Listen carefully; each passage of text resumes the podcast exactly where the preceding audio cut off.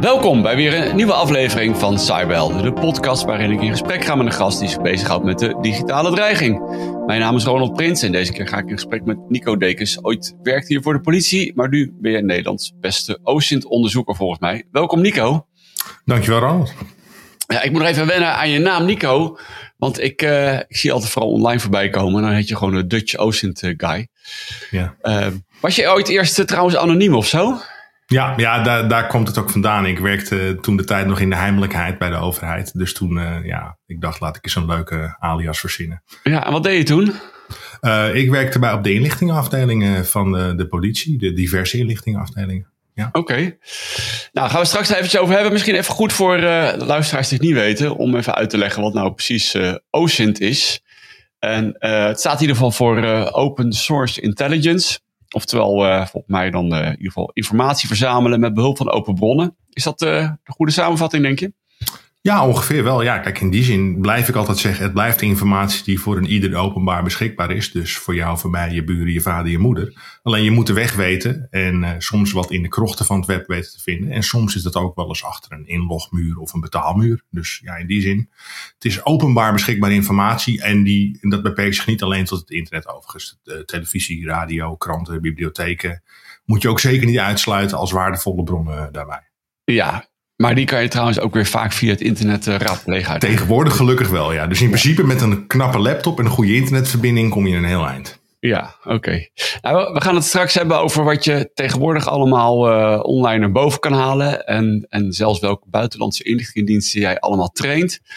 Uh, maar eerst even terug naar je tijd bij de politie. want daar deed je dit ook al, open bronnenonderzoek. Ja, ja, ik denk dat ik... Um nou, ik heb ruim 20 jaar, bijna 25 jaar bij de politie gewerkt. En uh, ik mocht destijds pionieren en uh, een real-time intelligence room opzetten, zoals dat toen uh, heel hip heette.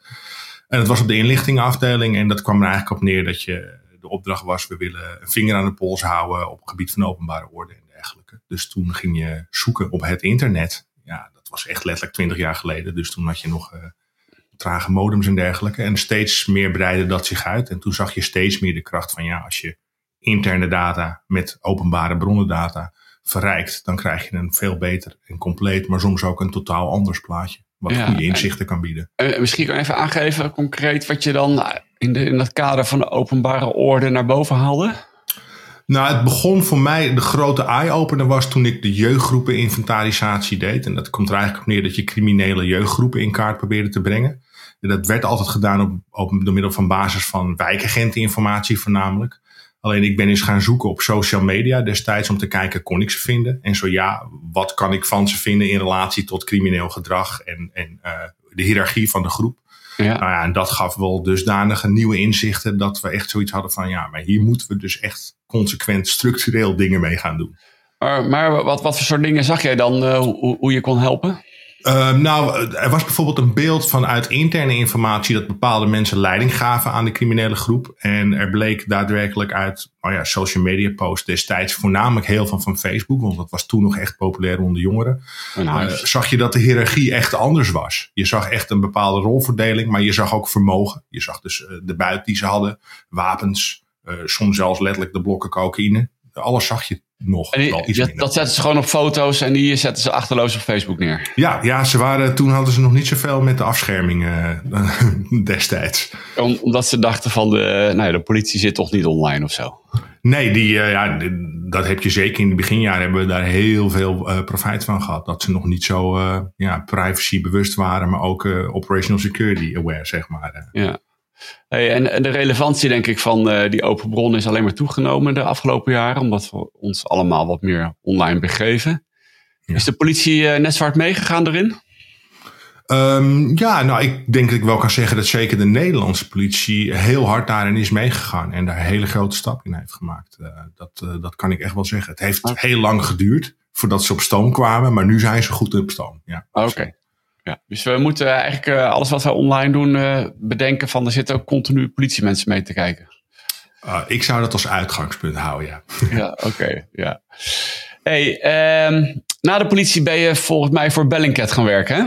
Ja, ik heb een, um, een klein jaar voor Bellingcat gewerkt als projectmanager. En daar was ik met name verantwoordelijk voor het opzetten van de samenwerking met uh, universiteiten en studenten en het trainingsprogramma wat ze hebben. Ah, oké. Dus je, je hebt niet echt in onderzoeken meegedaan? Uh, amper. Ik heb wel heel veel in onderzoeken meegekeken en ik heb wel heel veel mijn expertise proberen uit te leggen, maar ik heb niet heel veel in de onderzoeken daar meegedaan. Nee. Ja, en je, en je zegt al een klein jaartje. Uh, vast niet wat de bedoeling was geweest? Nee, nee, nee. Ja, weet je, het, um, het, het paste mij niet zo. Met name omdat ik dus die inlichtingachtergrond heb, um, was voor mij. Um, ik ben heel erg getraind in afscherming en, en die bewustwording. En ja. die was daar uh, op een hele andere manier aanwezig, waar ik me hoogst ongemakkelijk bij voelde. Dat heeft mij doen besluiten om uiteindelijk ook te zeggen van, nou ja, dan, uh, dan moeten we maar stoppen. die, die was gewoon niet aanwezig. Um, nou ja, dat kan je bijna wel zeggen, ja. ja, Ik hoop dat dat inmiddels wel veranderd is. Maar in de tijd dat ik daar zat, ik, ik ben me daar rot geschrokken destijds, ja. Ja, want normaal als je als... Nou ja, je, hebt natuurlijk de politieachtergrond. Als je vanuit de politie onderzoek doet... dan zorg je er heel erg goed voor dat je niet terug te herleiden bent... dat het de politie is die misschien ergens online wordt. Of weet je dan ja. vrienden en zo met mensen op Facebook vroeger en zo... om net iets dieper te kunnen kijken?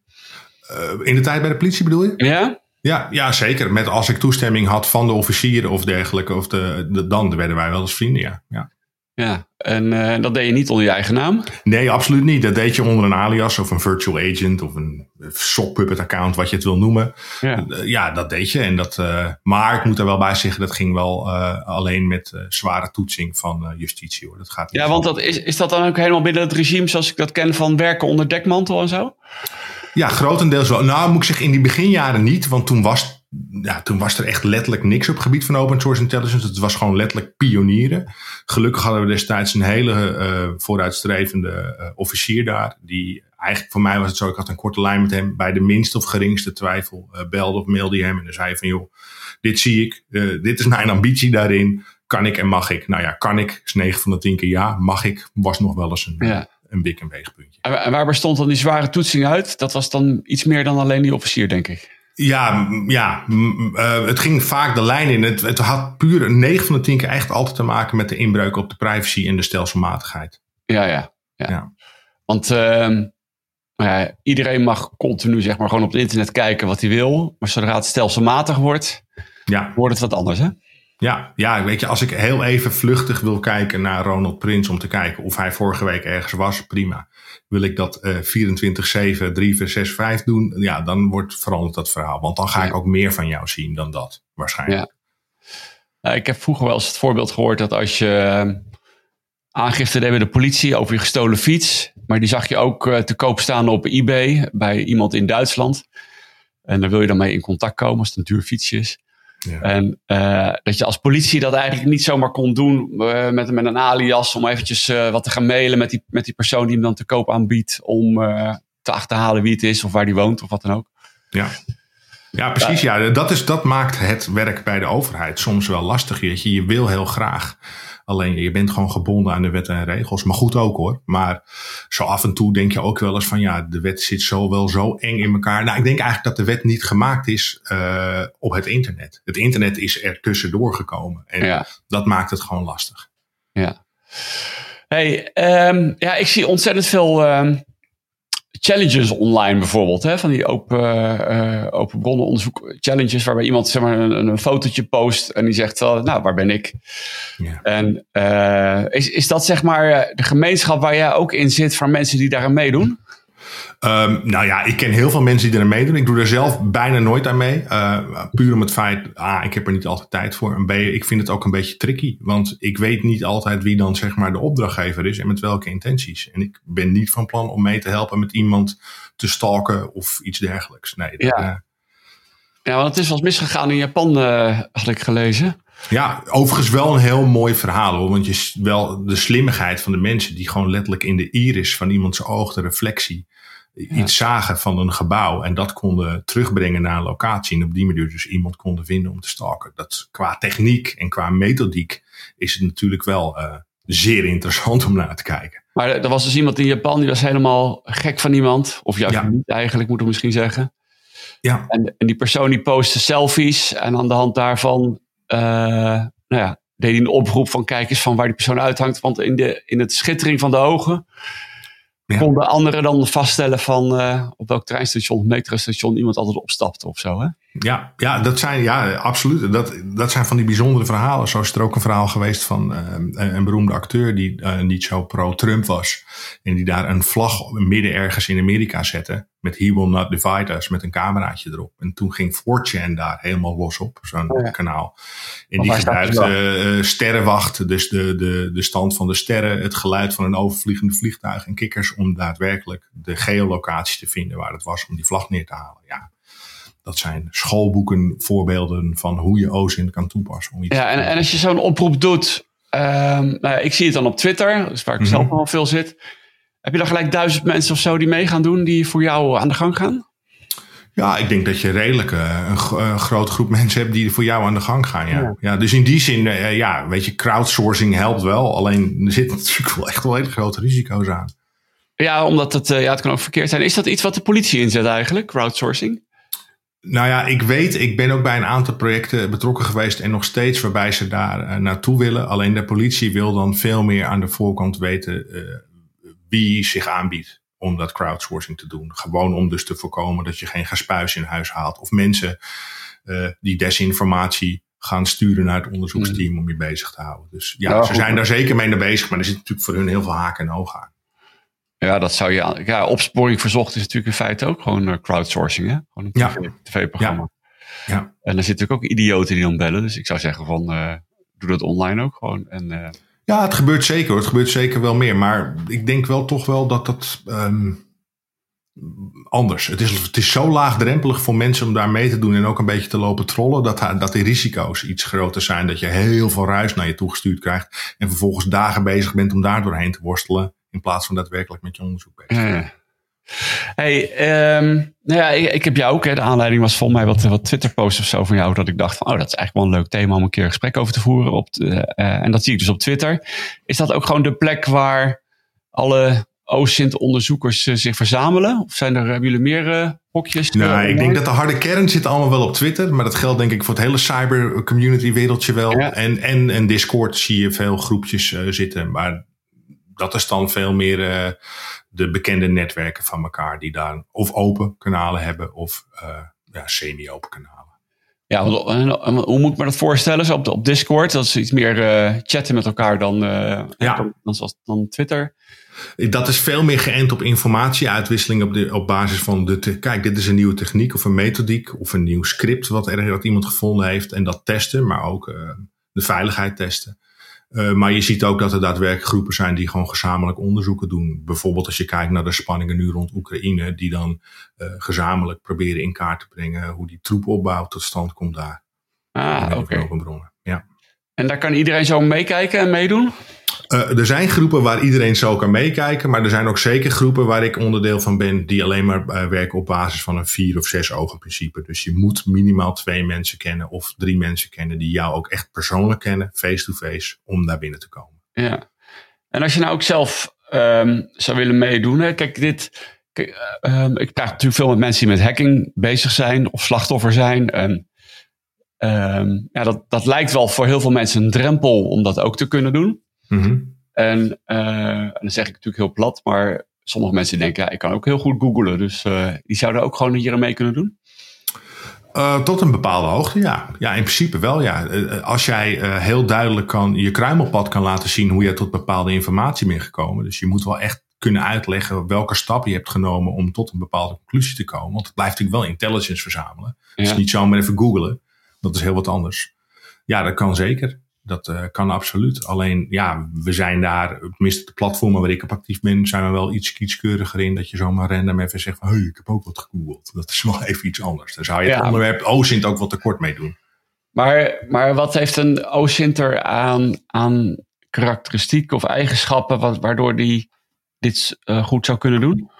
Um, ik denk lichtelijk autistisch, supergedreven zijn in het uh, um, door blijven gaan om alle puzzelstukjes in eerste instantie te willen verzamelen en dan die puzzel te kunnen maken. Dus eigenlijk Je weet eigenlijk niet eens welke puzzel je gaat maken. Je schraapt dus gewoon heel veel puzzelstukjes bij elkaar. En uiteindelijk komt daar die puzzel op basis van heel vaak een vraag. Er, alles begint met een vraag. En waar je een antwoord op probeert te vinden. Ja, en, en die gedrevenheid is misschien belangrijker dan allerlei technische kennis uh, die je nodig hebt. In de eerste aanleg wel. Ik denk wel dat uh, goede OSINT-specialisten of analisten zich onderscheiden door bepaalde technische kennis en, en vele jaren ervaring. Ja, absoluut. Ja. En, en heb je, ehm, behalve dat informatie binnenhalen, aan de achterkant ook nog wat nou ja, analytische capaciteiten nodig of zo, om verbanden te zien die anderen niet zien? Nou, dat helpt zeker. Ik, als ik kijk naar mijn eigen achtergrond als uh, operationeel tactisch analist, je, je bent toch, um, denk ik, iets beter in staat om hoofd- en bijzaken te scheiden. Maar ook om bepaalde relaties te onderkennen of te ontkrachten, doordat je die inzichten hebt en ook die methodieken kent. Dat, dat helpt zeker. Zeker als je ziet hoeveel data er tegenwoordig is, ja. dan moet je haast wel. Ja. Hey, mensen die dit horen en denken van, uh, ja, ik vind het eigenlijk ook leuk. Ik ben uh, hartstikke gedreven. En, en ik denk dat je ook wat innerlijke drijfveren nodig hebt. Ik weet dat heel veel mensen bezig zijn met, uh, met plaatjes met, ja, die uit de, nou, niet zo gezellig, maar uit de kinderporno ja. komen.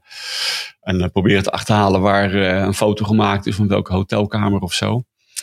Um, en ja, en dat kan me heel goed voorstellen dat je heel gedreven bent om daarin te helpen. Is, is dat iets als je het goed wil doen, kan je het jezelf aanleren of kan je trainingen volgen? Ja, er zijn trainingen over eh, in binnen- en buitenland. Uh, maar er zijn ook gratis initiatieven die je ziet. Uh, de schaamteloze zelfpromotie hier is dat OSINT Curious is een gratis platform waar ik onderdeel van ben. Zeg dat nog eens, OSINT? OSINT Curious, dus OSINT uh, curieus met dan in het ja. Engels. Ja. Uh, en daar geven we eigenlijk blogs en webcasts en, en 10 minuten tips met, ja, waarbij je allerhande technieken toegereikt krijgt van joh, zo kan je een plaatje omgekeerd zoeken en zo kan je het er ook weer valideren en verifiëren. Maar ook hoe je personen kan vinden, hoe je slimmer op Facebook kan zoeken en efficiënter. Hoe je bepaalde Python scripts kan gebruiken die je tijd besparen en dergelijke. Dus ja, van alles. Dat kan je gratis doen, maar je kan ook ja, eh, duurbetaalde trainingen volgen. Ja. Het ligt net aan hoe diep je wil gaan natuurlijk. Ja, die duurbetaalde trainingen die geef je ook natuurlijk hè? Ja, absoluut ja. Ja, ja. zeker. En, en dat doe je bij Sans? Ja, ik geef daar een training en ik heb, ben daar inmiddels ook een auteur van een van de trainingen. En ja, daar geef ik eigenlijk gewoon over de hele wereld training aan met name uh, overheden, uh, inlichtingendiensten, politiediensten, maar ook uh, grote bedrijven, à la Shell-achtige, Booking.com, dat soort bedrijven moet je dan denken. Ja. En daar, ben ik toch heel nieuwsgierig naar. Hè? Ja, ik ben ooit begonnen met mijn commerciële carrière ook met lesgeven. En, en toen ging ik journalisten uitleggen dat de Google bestond. In de tijd dat ze met uh, Alta Vista nog bestond en zo. En dat was al heel wat. En, uh, maar wat, wat, zijn nu de dingen die, uh, die je aan mensen leert, waardoor ze uh, opeens denken: oh shit, dat is handig om te weten? Um, momenteel ben ik zelf erg veel bezig met uh, machine learning en artificial intelligence uh, om video's te analyseren. Want we zien natuurlijk dat een onwijze verschuiving plaatsvindt van platte tekst alleen maar naar beeld. Ja. Alles is streaming en dergelijke. Dus als je die video's kan downloaden, dan wil je daar misschien wel doorheen worstelen. Dan kan je natuurlijk met de hand door anderhalf uur videobeeld heen. Maar je kan er ook algoritmes overheen gooien. Die in staat zijn bijvoorbeeld een gezicht te herkennen. En te zeggen, joh, op 1 minuut 30, op 1 minuut 50 en op 3 minuten 24 zie ik dat gezicht. Dat spaart je tijd. Ah, merken, merken, logo's, kentekenplaten, uh, tekst extraheren vanuit de audio. dat soort dingen. Dat, ja. Dus je gooit, zijn ehm, nou tools voor algoritmes, daar gooi je een, een video in. Ja. En, en, uiteindelijk is de output van, ik zie, ik zie hier twaalf personen in en uh, uh, op deze tijdstip komt hij in beeld en deze hebben een pet op en deze niet of zo? Ja, ja. Weet je, een concreet voorbeeld, als je het bijvoorbeeld toepast op de rellen onlangs in Rotterdam, dan laat je gewoon zoveel mogelijk van die beelden in. Ik gebruik dan de Google Cloud API daarvoor, die heeft daar speciale algoritmes voor. En er zit een Python script omheen die het eigenlijk visualiseert. En dan kan ik uiteindelijk dus gewoon aanklikken van, joh, ik wil nu nou, diegene in die rode jas volgen, want daarvan zie ik dat hij stenen gooit. En dat wil ik precies doorgeven. Of ik wil dat in ieder geval rapporteren. En op die manier kan je dat, kan je gewoon veel sneller door die data heen. En dan kan je dus ook, want, want dat soort dingen, dat wordt, uh, ja, die mensen die bij die rellen rondlopen, die filmen zelf zich ook helemaal wezenloos. Dus dan heb je misschien zes verschillende filmpjes. Ja, die plak ik gewoon, gewoon allemaal netjes achter elkaar. Die upload ik, die laat ik analyseren en dan krijg ik een, eh, een, eigenlijk een heel groot tekstbestand terug. En die importeer ik weer en dan wordt het visueel. Dan wordt het eigenlijk meer, dan kan, je, kan jij gaan analyseren uh, en valideren of dus de, dat algoritme het goed heeft geëxtraheerd. En, uh, en Google biedt het aan. Staat dat voor iedereen open? Is dat gewoon een website waar je heen kan gaan? Of ja, zolang je maar, zolang je, maar uh, ze, je creditcardgegevens aan hun geeft, dan kan je dat gebruiken. Oh, okay. Het is wel betaald, maar ik, ja, het is relatief betaalbaar. Als je kijkt naar, uh, naar andere diensten van Google, is dit denk ik voor een particulier zelfs ook wel redelijk te betalen. Wat je ja. En, en je zei net van er zit wat Python omheen. Is dat code die je zelf maakt om het wat efficiënter te laten lopen? In dit geval heb ik het niet zelf gemaakt. In dit geval komt het gewoon letterlijk, stond het openbaar op GitHub. Ik heb natuurlijk wel die code eerst uh, geverifieerd en valideerd. Om te kijken of daar niet allemaal gekke dingen in zitten die communiceren met uh, landen of dingen waar ik me niet zo comfortabel bij voel. Zodat jouw data opeens weg is. Uh... Bijvoorbeeld, of dat ze weten dat ik ineens bezig ben met bepaalde dingen. Want ik heb natuurlijk wel bepaalde dingen die ik wil afschermen. Maar in principe is dit gewoon een uh, andermans code. Maar ik had het ook zelf kunnen programmeren. Want eigenlijk legt Google zelf al uit hoe je dit kan uiteenzetten met een stukje Python code. Ja. Het is meer dat je er een mooiere grafische dashboard omheen krijgt dan. Is dit nou iets waar Google zijn geld mee wil verdienen? Ik denk dat ze dat al jaren doen. Ik denk dat ze dat eigenlijk laten ze hiermee zien hoe ze al die YouTube-filmpjes uh, taggen en analyseren. En alles wat je uploadt naar je Google Drive en dat soort benden. Dat wordt gewoon allemaal met diezelfde technologie en misschien nog wel veel geavanceerder uh, uh, neergezet zo, ja. Ja, dus op een bepaalde manier is het weer transparant wat ze hebben aan technologie. Wat we allemaal weten wat zij eh, kunnen met onze data. Je gaat daar maar vanuit, ja. ja. ja. Hey, en jij zegt net, je hebt het over de, de rellen in Rotterdam die geweest zijn. Uh, toen heeft de politie ook volgens mij uh, gericht geschoten uiteindelijk zelfs. Hè? Dat was best wel heftig ja. natuurlijk. Ja. Um, uh, maar je werkt nu niet meer voor de politie. Gebruikt de politie dit dan zelf ook, denk je, op deze manier om dit te analyseren? Uh, niet dat ik weet. En ik zit nog best wel dicht op het vuur. Maar ik, heb, ik, heb niet, uh, ik weet niet dat ze dit gebruiken ook als techniek. Maar ik kan het ze leren, dus ze mogen me bellen. Nee, okay. nee het is, het, ik, heb, ik weet het niet. Ik weet, er zijn heel veel goede initiatieven bij de overheid bezig. En, en er zijn natuurlijk ook genoeg initiatieven waar ze niet altijd mee te koop lopen. Maar van dit, ik weet het niet of ze dit nee. gebruiken. Oké. Okay. Hey, op... Um op Telegram, daar, daar zit ik uh, met mijn podcast tegenwoordig ook op. Met een groepje ik, had het even, ik had even gegluurd in het kanaal, ja. Ik heb het, ja, het, is nog niet, het is nog niet heel druk, maar iedereen kan uh, gewoon lekker lid worden. En, uh, ja. ja. ik vind het op zich wel leuk als mensen een beetje kunnen kletsen over wat ze horen. En tips hebben of wat dan ook. En, en misschien dat jij ook nog een linkje kan posten straks van nou, naar, naar, die Google API of de. de ja, zal ik doen. Ik zal straks even joinen en dan zal ik daar uh, het een en ander bij gooien. Dan weet je ook gelijk jouw alias uh, op Telegram. Um, maar daar, daar gebeurt ontzettend veel. Zit jij dat ook te bekijken, wat er allemaal rondgaat? Ja. Ja, ik moet zeggen dat Telegram momenteel voor mij een van de platformen is waar mijn focus bijna volledig ligt. Omdat daar met name als het gaat om criminaliteit en cybercriminaliteit daar zoveel gaande is op het hele brede spectrum. Dat je moet daar eigenlijk wel als onderzoeker willen zitten. Ja. Uh, op elke manier gebruikt. Waarom is Telegram zo succesvol geworden in allerlei verkeerde mensen aantrekken? Ik denk dat het voor over, de voornaamste reden is, is dat de doelgroep gebruikt het omdat ze denken dat alles versleuteld geëncrypt is. Wat overigens niet helemaal waar is. Maar het is heel uh, uh, lastig voor overheden om, de in, om daar te vorderen. Om daar informatie vandaan te halen over ja. de gebruikers. Dus ze werken gewoon niet mee. Die gasten die zitten, komen oorspronkelijk uit Rusland, zitten nu in Dubai. En je kan ze uh, verzoeken sturen, maar ze weigeren gewoon mee. Ze reageren niet. Nee, maar dat, dat aan de ene kant. Dus via de traditionele weg, zoals de overheid normaal iets vordert en op die manier ja. aan gegevens probeert te komen, dat lukt dus niet. Maar ja, ik zit zelf ook wel in een aantal groepjes, omdat het nou ja, boeiend is om te, te kijken wat die mensen allemaal uitspoken. Ja. Maar daar kan je heel makkelijk gewoon tussenkomen. Als je de groep staat, ja, dan uh, ja. niemand houdt je tegen. Nee, als, jij een, als je het linkje maar weet te vinden en of iemand nou dan nodigt je uit, dan kom je een heel eind. Ja. En als jij dan uh, daar goed kijkt en misschien ook wel dwarsverbanden kan leggen tussen andere groepen, kan je toch best wel wat uh, activiteit van groepen blootleggen of uh, ja, sleutelfiguren identificeren en dat soort dingen. Ja, ja en, en jij zegt, je zit erin. Hoe, hoe moet ik me dat voorstellen? Zit je dan elke avond even op, je, op de bank op de telefoon te kijken wat er allemaal voorbij is gekomen in die groep? Want dat lijkt me niet echt bij te houden. Nee, nee, ik doe dat niet op de telefoon. Nee, nee ik doe dat op, op speciale machines daarvoor. Ik heb daar speciale laptops voor ingericht en dat hou ik bij. En daarbij heb ik daar omheen ook wel wat uh, tooling en ook betaalde tooling. Waarmee ik het iets, op, iets schaalbaarder kan maken. Want wat je zegt, het zijn honderden, al die duizenden kanalen die je in de gaten houdt. En ik denk ja. dat ik inmiddels ook wel aan enkele honderden kanalen zit. Ja, dat is in je eentje niet bij te houden. Nee, en... Um maar uh, ja, ja, misschien kan je iets van de, van de context vertellen. Want dat zit je niet voor jezelf te doen dan, denk ik, daar, uh, daarin te neuzen. Nou, ook wel. Het is gewoon ook gewoon een beetje beroepsdeformatie. Ik moet wel bijblijven. Ik moet hands-on blijven. Anders kan ik geen cursussen uh, geven als ik niet ja. snap. Maar ik vind het... Um, ja, weet je, ik vind het gewoon heel belangrijk dat onder andere Nederland veilig blijft, maar ook de landen om ons heen veilig blijft. Dus als ik daar iets zie of iets spot waarvan ik zeg van, nou ja, uh, dit gaat echt te ver, dan zal ik niet schromen om dat door te geven via okay. lijn of kanaal. En wat is het laatste wat je gezien hebt? Uh, het laatste wat ik gezien heb is dat er op grote schaal weer crypto-telefoons in de rond te gaan. Uh, ah. Van een nieuw lijntje waarschijnlijk, maar dat weet ik niet helemaal zeker. Hoe heette die? Uh, nou, dat weet ik niet helemaal zeker. Er wordt, er wordt dus heel erg gezinspeeld op. We hebben een nieuwe lijn, je kan eraan komen. Dus dan moet ik mijn kont nog een beetje in, in zitten, zitten te draaien. Een beetje social engineeren. Wordt ook een beetje bij OSINT. Ja. En uh, ja, wat ik heel veel zie is dat er uh, gestolen en uh, gelekte databases verhandeld worden, maar ook gewoon neergekwakt worden daar. Zo van pak maar. Ja.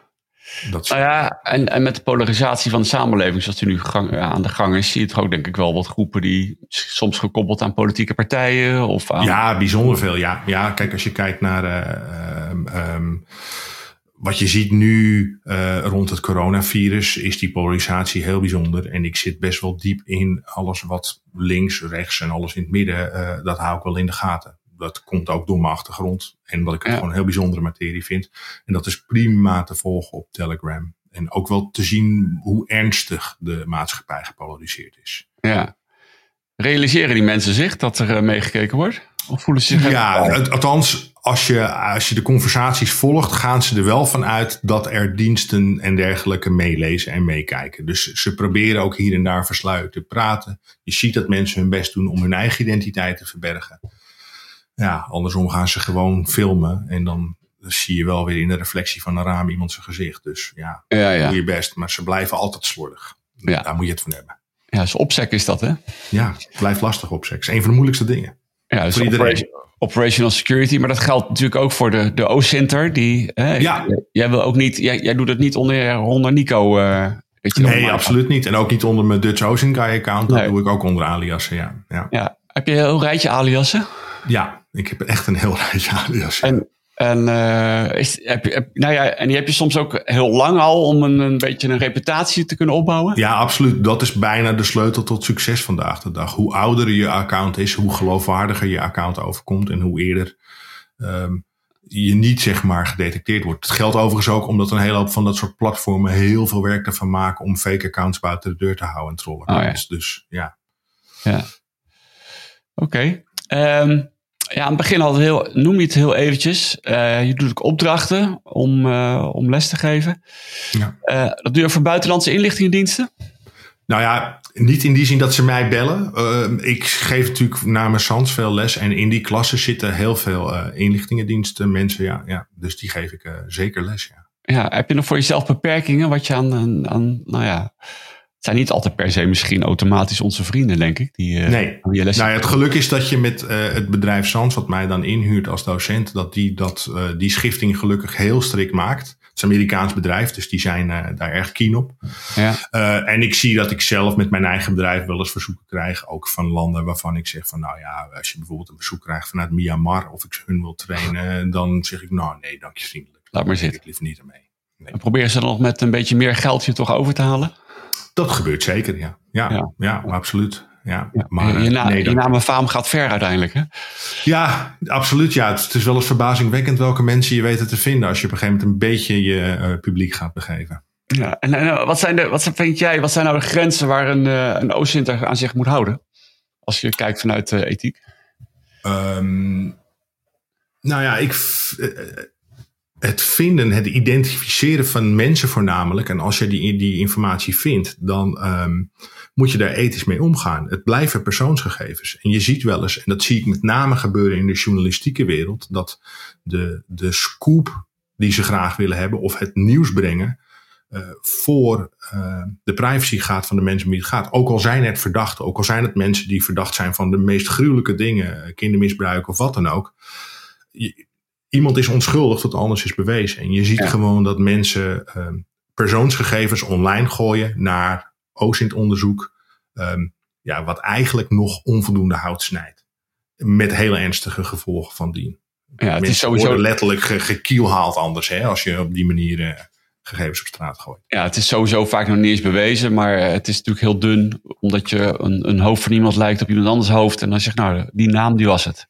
Ja, ja een mooi voorbeeld daarvan is geweest tijdens de Charlottesville-rellen een aantal jaar geleden in Amerika, waarbij een meneer rondliep met een, eh, een baard tijdens, die zou dan een vermeend extremist zijn, rechtsextremist. Ja. En er waren mensen die dachten hem te herkennen en het bleek totaal niet die persoon te zijn. Maar die werd wel even zijn hele hebben en hou op internet gegooid. Met als gevolg dat de, zijn auto in de fik gestoken werd en zijn vrouw bedreigd. En nou, die man die was bijna zijn baan kwijt ook nog eens een keer. Dus dat ja, echt heel ver gaan. Ja. Um, want, want waar houdt het op als OSINTer voor jezelf? Is, is er een soort grens van wat je wel kan doen en wat je niet kan doen? Uh, Jazeker. Uh, nou, om te beginnen, ik vind dat hacking en dergelijke niet met, niets met OSINT te maken heeft. Want dan ben je daadwerkelijk offensief bezig. Nou, is, niet, is geen open bron meer. Nee, nee, het moet een open bron zijn. Nou, denk ik wel dat het oké is om uh, te betalen voor informatie die tenminste niet er ook bij kan. Ehm, ik vind het ook prima als je een ja, maar betalen maar, gaat. Maar niet dat je aan een hacker gaat betalen om iets te hacken dan? Nee, nee, nee. Ik bedoel daar meer toegang tot een bepaalde database of oh, persoonsgegevens die, uh, of uh, Kamer van Koophandelgegevens. Dat soort dingen moet je een beetje. Uh, ja, maar ik kan me nog herinneren dat uh, Bellingcat had rondom. wat is dat? dat gifschandaal in de Verenigde ja, Koninkrijk. Ja, dat Novichok verhaal, ja. Ja. Die had opeens een hele database met allerlei rijbewijzen uit heel Rusland. ja, ja, nou is natuurlijk Rusland wat dat betreft een bijzonder land, want daar is zo'n beetje elke vorm van data te koop. En als je daar dus de weg weet op de zwarte markt, dan kan je dat kopen. Maar dat is natuurlijk data die allesbehalve openbaar beschikbaar is. Ja. Dan moet je echt de weg weten en dan moet je ook echt flink je portemonnee trekken. En dan moet je je maar afvragen met wie je zaken doet op dat moment natuurlijk. Hè. Oh ja. Dus ja, dat, Is ook, dat is ook een van de voorbeelden waarom ik me niet zo comfortabel voelde bij uh, het bedrijf. Bij Bellingcat. Ja. Maar goed, uiteindelijk, uh, ze kwamen wel met hele mooie resultaten. Ja, absoluut. absoluut. Ik denk alleen dat dat geen OSINT meer is. Dat is denk ik meer um, um, een groot deel online onderzoek doen. Um, ze noemen het zelf natuurlijk ook online investigative journalism. En ik denk dat dat ook wel iets anders is dan OSINT alleen nog maar. Ze, ze gebruiken ook OSINT, maar ze gaan ook, zijn bereid, denk ik, om verder te gaan om bepaalde zaken te bewijzen. Ja, er komen gewoon andere technieken naar boven die uh, inlichtingendiensten normaal ook inzetten. Hè? Het runnen van mensen, denk ik, en zo dan. Uh... Ja, iets meer. Ja. Ik, ik, ik, dat doet overigens niet iedereen binnen, daarbinnen hoor. Er zijn natuurlijk een, een klein clubje mensen die zich daarmee bezighoudt. En die zijn ook in principe, uh, denk ik, niet zozeer betrokken of close met de andere mensen binnen dat team. Althans, dat was mijn ervaring destijds. Ja, ja, oké. Hey, afgelopen maandag stond uh, in het Financieel Dagblad een heel groot verhaal over uh, dat we allemaal op moesten passen dat er Russen en Chinezen op LinkedIn opeens vrienden met ons willen worden. Ja. En, uh, uh, en blijkbaar dat veel mensen dat dan uh, ja, klakkeloos maar zo'n uitnodiging accepteren en daarna een gesprek aangaan. Um, is dat eigenlijk gewoon niet heel makkelijk, zal ik toen te denken van, om te zien, ja, dit is toch gewoon een fake profiel, dit is toch gewoon, dit, dit is niet een echt persoon? Ja, het is relatief makkelijk, denk ik. Als je kijkt naar, uh, naar de fake profielen die er tegenwoordig rondgaan, die kan je vrij makkelijk onderkennen. Want die gebruiken 9 van de 10 keer uh, een gezicht van iemand dat niet bestaat. Wat bijvoorbeeld van thispersondoesnotexist.com vandaan komt. Het gebruikt uh, grafische videokaarten om gezichten te genereren op basis van algoritmes. Ja, die kan je gewoon onderkennen. Die hebben gewoon hele karakteristieke dingen. Pupillen staan altijd in het midden, midden haarlijnen zijn altijd raar, tanden staan vreemd. Wordt wel steeds beter. Hè? Ik denk echt dat, dat, op een gegeven moment. Uh, zou ik denken. Ja. Maar dat zijn dingen. En je ziet gewoon als je de achtergrondcheck doet bij die mensen. En je ziet dat ze bepaalde opleidingen genoten hebben. Dan, dan, uh, en je gaat kijken in de jaarboeken van die universiteiten en scholen. Dan bestaan die mensen ineens niet meer. Ah. Dus er zijn wel genoeg middelen om dat te valideren natuurlijk. Of je gaat. Uh, dus je gaat gewoon van zo'n persoon kijken wat voor studie die gedaan heeft. Ga je naar de universiteit toe, er staan jaarboeken. Ja, bij veel, veel zeker buitenlandse universiteiten staan jaarboeken. Of je stuurt eens een mailtje of een dingetje van... joh, uh, we zijn bezig met een, uh, een uh, hoe heet zo'n ding, een, een reunie. Ja. hebben jullie toevallig nog gegevens? Nee. Dan, en die, we kennen die persoon niet. Ja, dan ben je natuurlijk ook alweer een ja. stukje verder. Ja. Ben jij wel eens op die manier benaderd? Bedoel je of ik een LinkedIn verzoek heb gehad van ja? webaccounts? Ja, zeker. Zeker. Absoluut. En dat, en dat, heb je dus blijkbaar altijd gelijk kunnen onderkennen. Zijn dat dan ehm, uh, accounts die ook ja, misschien speciaal voor zo'n doel worden aangemaakt, die dus misschien nog maar een week oud zijn of zo? Kan je dat makkelijk zien? Ja, je ziet dat wel. Het is niet zeg maar dat dat zeg maar de graadmeter is. Wat me wel opvalt is dat het heel vaak uh, recruiters zijn. Of mensen die, die mensen zoeken voor een bedrijf. Dus dat, is, dat springt er wel uit. Ik denk maar dat kan gewoon echt zijn? Ja, dat kan zeker echt zijn. Er zijn ook echte recruiters. Ja, die, Maar dat maakt het soms ook lastig om die schifting te zien. En daarom moet je eigenlijk bijna altijd een beetje dubbelcheck in je huiswerk doen. Oh, dus recruiter wordt vaak gebruikt als een soort cover. Ja, dat zie ik. Mis, ik zie dat heel vaak. Ja, ja, ja. absoluut. dan denk je, heb ik weer een leuke baan, is het weer niks. Ja, valt weer tegen. Ja.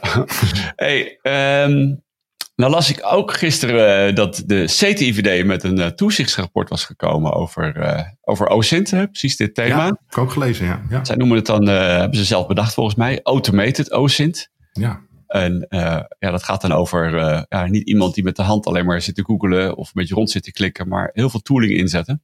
Ja.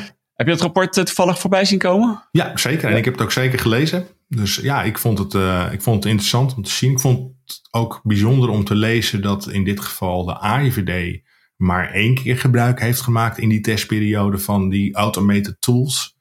Ja. En, en uh, dat uh, de MIVD daar veelvuldig van gebruik heeft gemaakt. Ik vond het grappig om, die, om dat verschil, die disbalans te zien.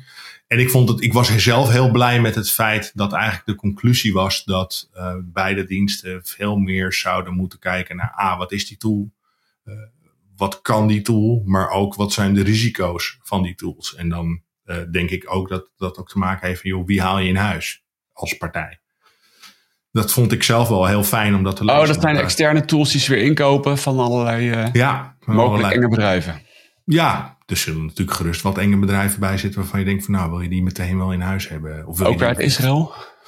Absoluut. Ik ken genoeg partijen uit Israël die dit, soort, uh, die, die dit soort diensten aanbieden. Ja. En wat is het risico dan dat zij net zo hard meekijken met, met wat wij zitten op te zoeken?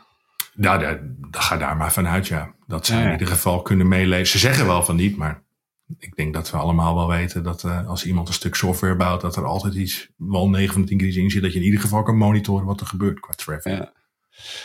Um, nou wordt er over, over OSINT en open bronnenonderzoek altijd een beetje luchtig gedaan. Nou ja, goed, dat, dat kan iedereen doen. Dus moet je dan ook heel veel waarborgen omheen hebben. En voor mij was ook een beetje het punt van dit rapport. Ja, als je het automated doet, dan wordt het zo'n krachtig middel. Ja. Dat er eigenlijk wel waarborgen omheen moeten. En dat zijn dus waarborgen dat er dus toetsingsmomenten komen. Of het nog proportioneel is om in te zetten natuurlijk. Net zoals we dat met uh, tap en hacken doen. Ja. Is dat, uh, Zie je het ook zo? Is OSINT zo waardevol geworden dat dat eigenlijk een beetje strenger gereguleerd zou moeten worden voor de overheid? Nou, zeker als het gaat om, om geautomatiseerd uh, informatie binnenhalen. Juist omdat uh, iedereen heeft zoveel um, uh, social media accounts, even als voorbeeld. En als je die in één keer met één druk op de knop kan binnenharken, dan heb je ja, een meer dan geringe inkijk in iemands persoonlijke levensfeer. Ja, dus ja, dat, en, en, dat levert misschien wel meer op dan een telefoontap. Ja, ja, niet, nou, ik denk het wel. Wie belt er nou tegenwoordig nog? Nou, inderdaad. Ja. ja. Dus ja, in die zin kan je die, die connecties in het netwerk en de locaties en, en ja, alles kan je zo heel snel zien. Ja. ja. Um, en jouw hele geschiedenis van, uh, nou ja, uh, met open bronnenonderzoek doen, heb je ook veel, behalve dat je les geeft, ook veel in de operatie gezeten. En heb je vast een een of ander prachtig succesverhaal waar je het meest trots op bent? Uh, ja, er zijn er zoveel. Maar ik, ja, terroristische aanslagen voorkomen. Uh, ben ik heel trots op. Weet je? Uh, een schoolshooting voorkomen, onlangs nog. Dat is dan buiten de overheid om. Dus er zijn, ja, er zijn genoeg dingen die uh, door middel van maar een schoolshooting voorkomen, hoe doe je dat dan?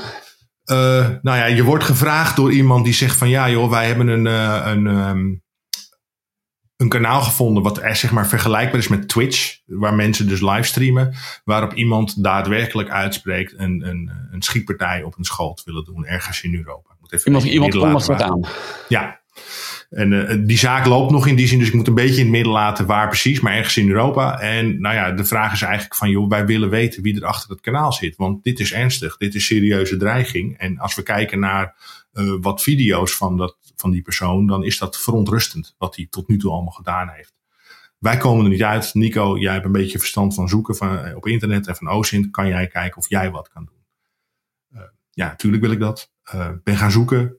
Uiteindelijk vond ik echt in een fractie van een milliseconde twee e-mailadressen die degene, um, ja, die opent zeg maar zijn browser, zijn in zijn Chrome browser. Ja. En je ziet eigenlijk, hij maakt een klik naar zijn account en ik zie in een fractie van seconde dat e-mailadres. Nou ja, uh, screenshot maken. Dan. En dan heb ik een e-mailadres. En op basis van dat e-mailadres was ik in staat om social media accounts te vinden. Toen ik social media accounts vond, vond ik informatie die eh, klopte met de locatie die zeg maar de mensen die mij eh, om hulp vroegen. Ja. Eh, ik kon een eh, voor- en achternaam vinden. En uiteindelijk vonden ze ja, eigenlijk zijn hele doopcel. Laten we het zo maar even samenvatten. Nou, en toen konden ze een huisbezoek brengen en de boel voorkomen. En ik heb Ja. achteraf begrepen dat het daadwerkelijk wel serieus had kunnen zijn. Nou, bijzonder zeg. Weet je. Ja, dus het kan heel krachtig zijn en, en vooral ook heel leuk om dat dus uit te pluizen en te puzzelen. Ja, en eh, net super krachtig en heel mooi wat je gedaan hebt. Maar ik krijg ook wel gelijk het gevoel van. Het is ook een beetje een longshot geweest dat ze dan maar naar jou komen uiteindelijk. Van wil jij nog eens even kijken? Wat Ja. zeg maar dat. dat hè, dit is namelijk aan de politie in dat land die eh, jou benaderen. Ehm, dat ze dat dan zelf ook gewoon continu kunnen doen eh, op deze manier met OSINT omgaan. Hoe bedoel je dat? Nou, eh, dat het. als jij er toevallig niet even geweest was en tijd had die dag om te gaan zitten zoeken, dan was het wel helemaal misgegaan. Ja, als je, ja zo, heb ik, ik het zelf nog niet eens bekeken. Ja, dat, Nee. zou, dat zou zomaar kunnen, ja. Ja, absoluut, ja. Ja. Ja, dat is ook een beetje het probleem. Dat, dat, ik denk dat de bezetting en, eh, is dun binnen de overheden. Van mensen die. ehm, er zijn genoeg mensen die open source intelligence opgeleid zijn. Ehm, wat ik weet binnen de Europese, maar ook daarbuiten. Ik denk alleen dat je als je kijkt naar het. En dat is altijd mijn grootste probleem geweest. Ook dat ik bijvoorbeeld contraterrorisme deed. Het internet stopt niet tussen 9 en 5. Dat gaat 24 uur per dag door. Dus je moet ook 24 uur per dag kunnen opschalen, kunnen inzetten en kunnen zoeken. En ik denk dat dat nog wel echt het grootste probleem is momenteel voor overheden. Ja, ja. Dus de mensen die, ze even, mensen die ze eventueel hebben zitten, die zitten daar gewoon een beetje als kantoorbaan, eh, nou ja, als analist af en toe ook wat eh, te googelen. Nou, nee, je hebt, je hebt wel dedicated teams, maar die werken gewoon achturige werkdagen. Ja, ja. Natuurlijk werken ze wel eens over. Maar het is heel lastig voor hun dat als ze nu om, eh, noem even wat, om, het is altijd natuurlijk net na zessen dat iets gebeurt. Als er dan paniek is, dat iemand dan ad hoc kan opschalen. Of in ieder geval de hele, eh, zijn hele toolkit open kan trekken en alles eruit kan halen wat erin zit. Dus eigenlijk is het gewoon nog eh, ondergewaardeerd wat, hoe krachtig het middel is. Dat, ja, dat durf ik wel te zeggen. Ja, ik denk dat daar veel meer uitgehaald kan worden. Nou, dan hoop ik eh, dat deze podcast wat eh, ogen doet openen. Heel veel eh, dank. Nico Dekens, oftewel de Dutch Ocean Guy op eh, Twitter. Al twintig jaar lang, elke dag, de hele dag aan het oceanten. Elke donderdag kan je naar een nieuwe aflevering van Cyberhelden luisteren. Mijn gesprekken met de Cyberhelden kan je terugluisteren via Spotify, je favoriete podcast-app en ook via de website cyberhelden.nl. Veel dank weer voor het luisteren en graag tot volgende week. Cyberhelden.